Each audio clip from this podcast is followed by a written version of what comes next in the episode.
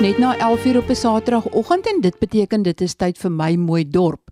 Die program waar ons graag dorpenaars en alle inwoners van dorpe en op die platteland wil help om van hulle dorpe weer modeldorpe te maak en om die gemeenskap weer floreerend te maak. En wat kan meer inspirerend wees om jou dorp 'n modeldorp te maak as om bome te plant en dit groen te maak kultebome vir sagtheid, vir die estetika, vrugtebome wat vrugte kan dra, groentetuine wat kan help om die mense te voed.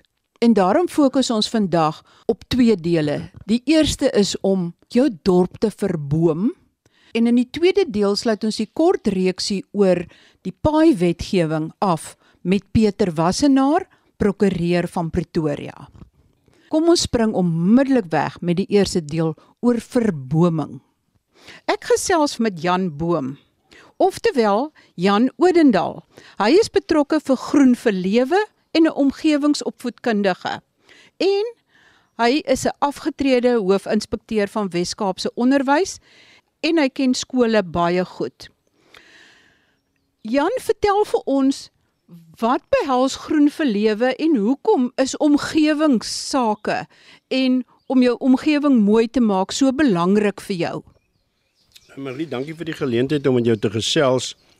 Ek dink COP26 wat nou gister 'n dag later afgesluit is in Glasgow, vertel die verhaal van die verwoesting van ons planeet deur die mens self. Met ander woorde, ons het ons eie riviere, ons eie oseane, besoedel. Ons doen dit steeds op 'n baie massiewe skaal en dan natuurlik ons inheemse woude wat nou die suurstof moet verskaf vir ons as Homo sapiens, ons as mense en dan ook die diereryk om te kan asemhaal.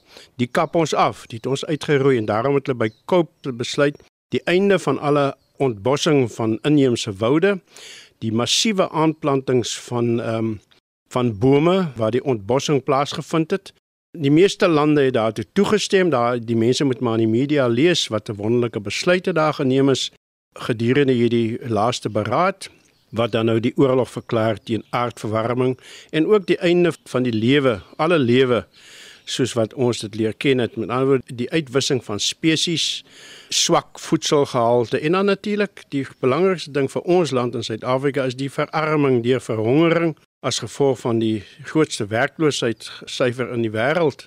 64% onder die jeug is skokkend.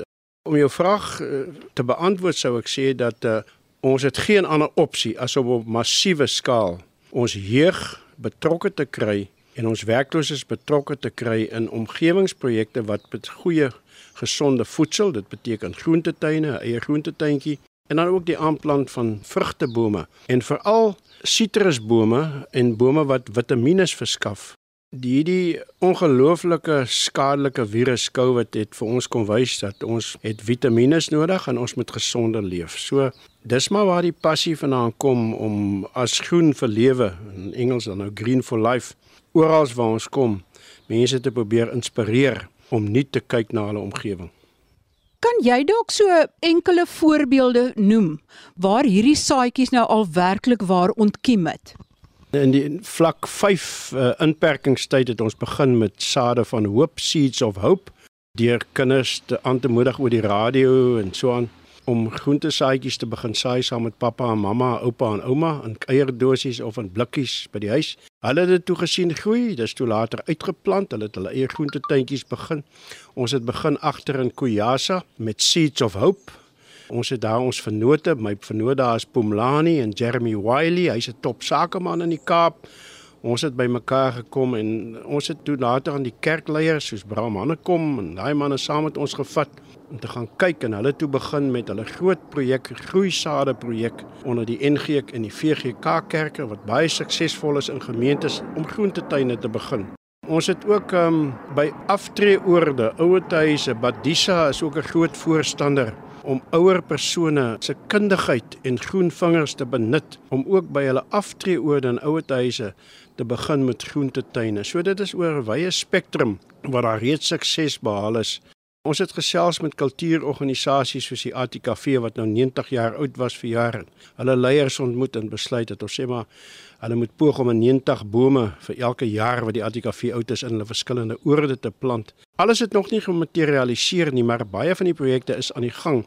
By Hartenbos het ons ooreengekom om om ook sitrusbome en vrugtebome te plant tussen die karavaanparke sodat mense so oor 2-3 jaar sommer in die winter 'n lekker narkie of 'n lekker nuiwel of daar kan pluk. Dit klink miskien baie idealisties, maar dit is bewys dat dit werk. Uh, die predikant op Hartenbos het byvoorbeeld na 'n gesprek 'n parkeerterrein vol suurlemoenbome geplant en die gemeente het van oud en jonk aktief deelgeneem wat ek noem die verboming van die kerke en dit is 'n groot ding waaroor ek my beywer is om Suid-Afrika te verboom deur vrugtebome en inheemse bome. Met ander woorde, daar waar daar 'n behoefte bestaan aan koelte, aan gesonde vrugte, moedig ons mense aan om werklik saam met organisasies soos die Lions Hulle is betrokke, raak betrokke by hierdie projekte. Ek nou die dag 'n klomp Lion leiers toegespreek en hulle praat sommer van Lemons for Lions. Die ander een projek wat ons suksesvol geloods het is the Lemon Tree Project. Dit is teen obesiteit. Ons weet dat die suurlemoen is die gesondste vrug in die wêreld.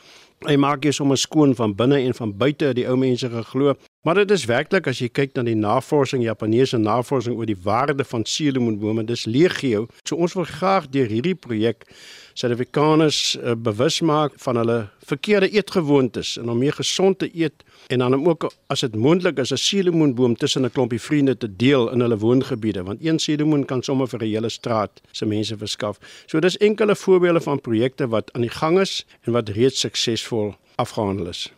Jan, julle werk ook saam met die baie bekende Erns van Jaarsveld oor die keuses van bome wat julle aanplant of laat aanplant en julle kry ook dan baie van hierdie bome van staatskwekerye af. Is dit deel van 'n groter program om meer bome te plant? Wat betref die uh, my verhouding met Dr. Ernst van Jaarsveld van Babylon Storing, ons weet natuurlik hy was vorige kurator van die Kirstenbos Botaniese Tuin en hy werk nou die laaste 4, 5 jaar vir meneer Koos Becker uh, op Babylon Storing. Hy is een van die grootste plantkenners, veral vetplantkenners en ook boomkenners in Suid-Afrika.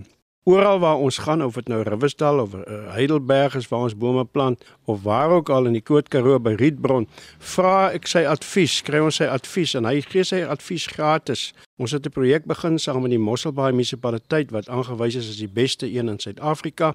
Meneer Dirk Kotse is pas aangewys as die burgemeester. Hy's passievol oor die aanplant van bome en hulle het verlede jaar 'n nuwe boomstrategie, boomplan geskryf vir Mosselbaai. En die visie is om Mosselbaai die grootste boomstad by die see te maak in Afrika.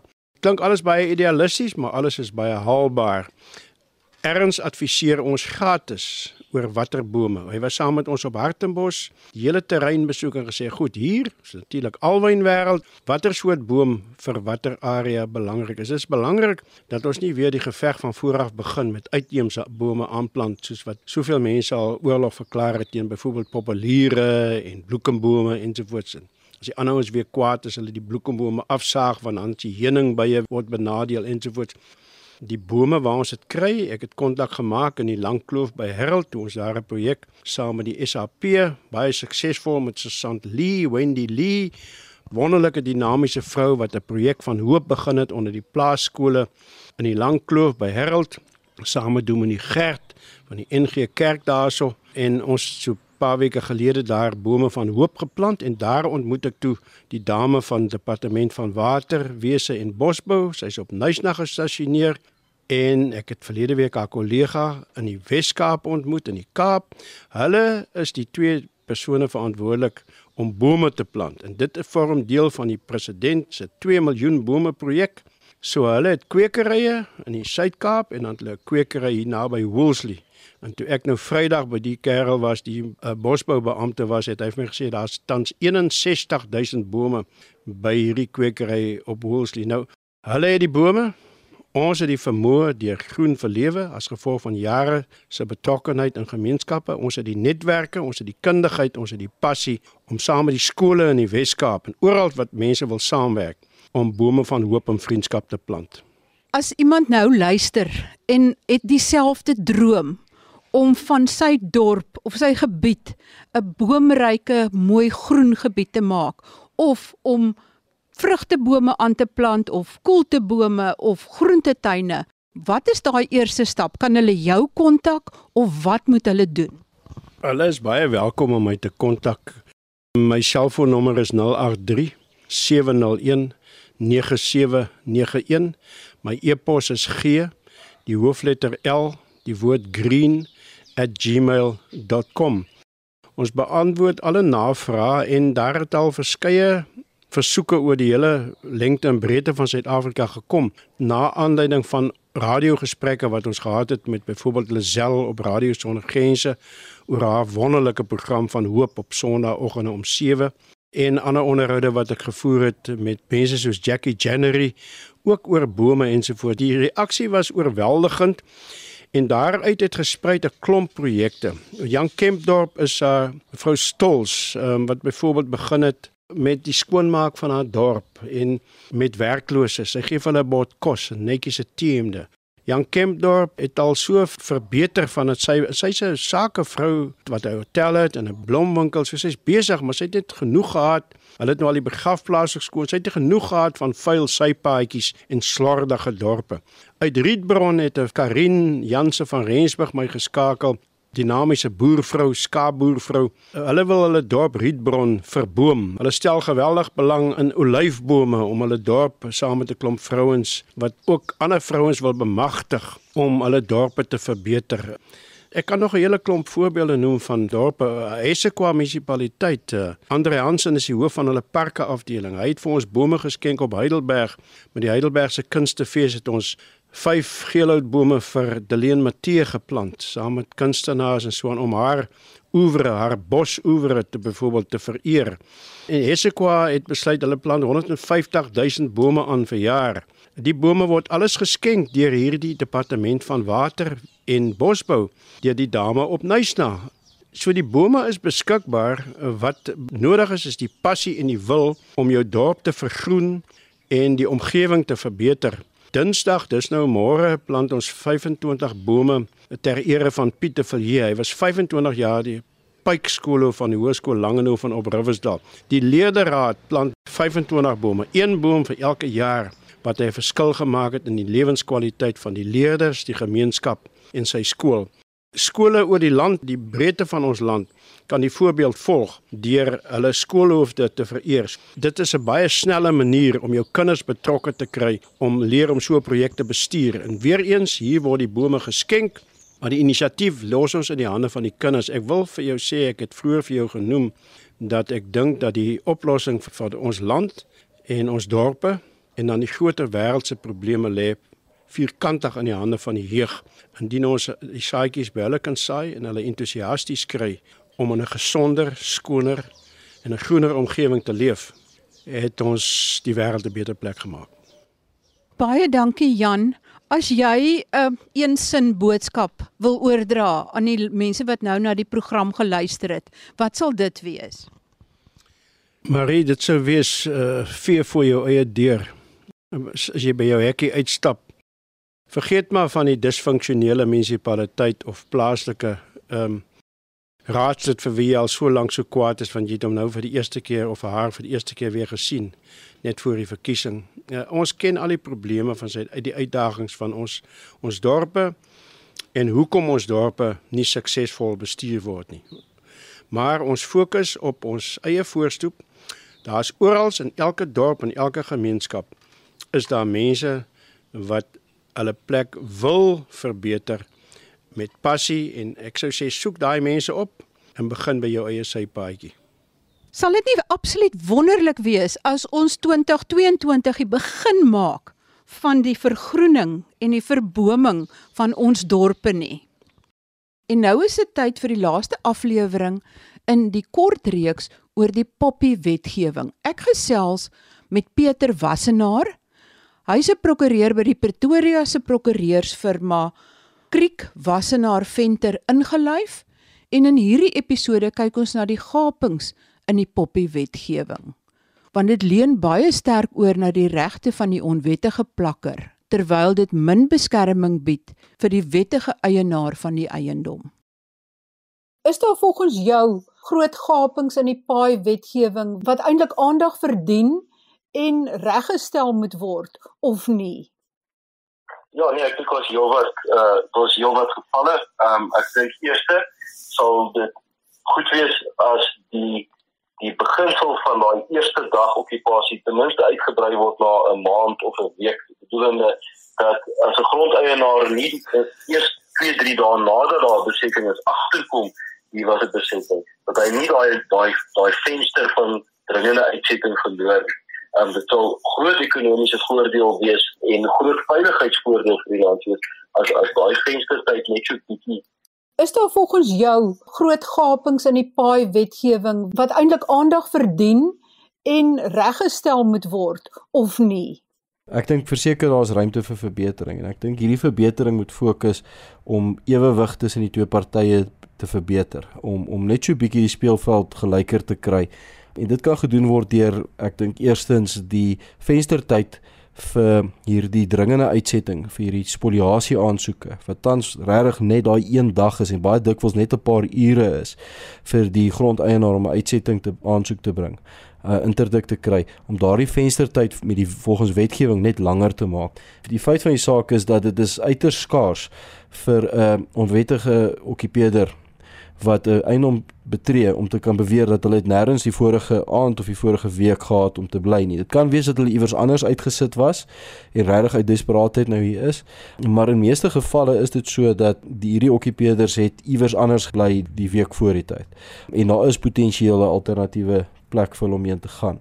Realisties gesproke baie grondeienaars ongelukkig het eiendomme of leererwe of dele van 'n eiendom of 'n plaas waar hulle nie gereeld kom nie en teen die tyd wat hulle agterkom dat daar mense is wat geplak het, is dit 'n dag of 2 nadat hulle reeds die eiendom betree het. So as ons hierdie wetgewing gaping hierdie venstertyd dalk selfs net met 'n week of 2 ekstra kan kry net om te sê dat 'n vestiging moet eers met ten minste 'n week daar wees, sal dit net bietjie meer asemhalingsspasie gee vir die grondeienaar om daai dringende verweer te gee. Die tweede groot ene is wat ek sou sê is om die hofproses te vereenvoudig en goedkoper te maak om 'n toegewyde hof te hê of om 'n makliker proses te kry waardeur hierdie dispute gevoer kan word sodat partye nie heeltyd die regslei en die regsprosesse moet begin om die lang paia uitsettings te doen nie.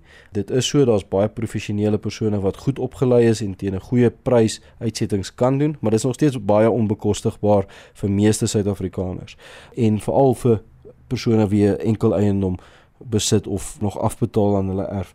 Dit is nie lekker of maklik om prokureurs te betaal nie. So as die proses makliker en goedkoper en eenvoudiger kan word, sal dit ook baie help. Die tweede ding is ek dink dat as nasionale regering meer verantwoordelikheid vat vir die behuisingsprobleem en nie al die verantwoordelikheid om alternatiewe behuising aan hierdie onregmatige okkupeerders te bied aan die munisipaliteite oorlaat nie. Meeste munisipaliteite het nie die vermoë finansiëel of eiendomsgewys om alternatiewe behuising te bied nie.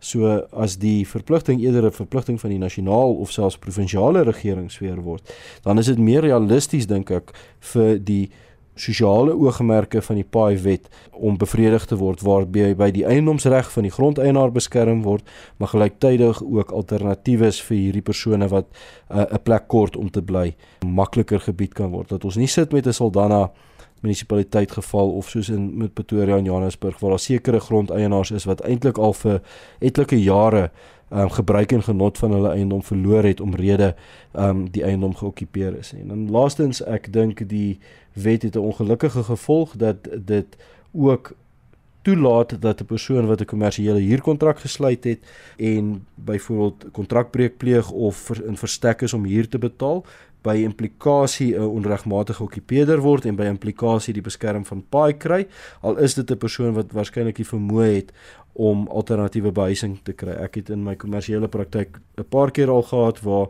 mense wat eintlik heel vermoënd is, 'n bietjie swaar tye ondergaan, maar dan in verstek is met hulle huurgeld, maar dan op die paai wet steen omrede hulle eintlik nie wil in 'n kleiner plek bly nie of eintlik nie iewers anders wil gaan bly nie. Hulle wil nou eintlik die eienaar frustreer en hulle gebruik die uitsettingsproses tot hulle guns om tyd te wen op die erf en dit lei tot geweldige skade van hierdie verhuuringsmark en ek dink nie dit was die bedoeling van die paai wetgewing om ook hierdie gevalle in te sluit nie. Dit is ongelukkig hoe die howe dit by die met die bewoording van die wet interpreteer, maar ek dink daar kan ook baie moeite gedoen word om hierdie aspekte verbeter.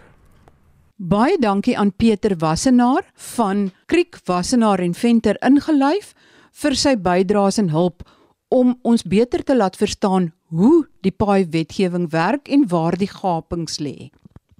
Gaan kyk gerus op RSG se webwerf www.rsg.co.za. Ek het Jan Oendal se telefoonnommer en e-posadres daar gelaai vir maklike toegang. Tot volgende week dan. Groete van my, Marie Hudson.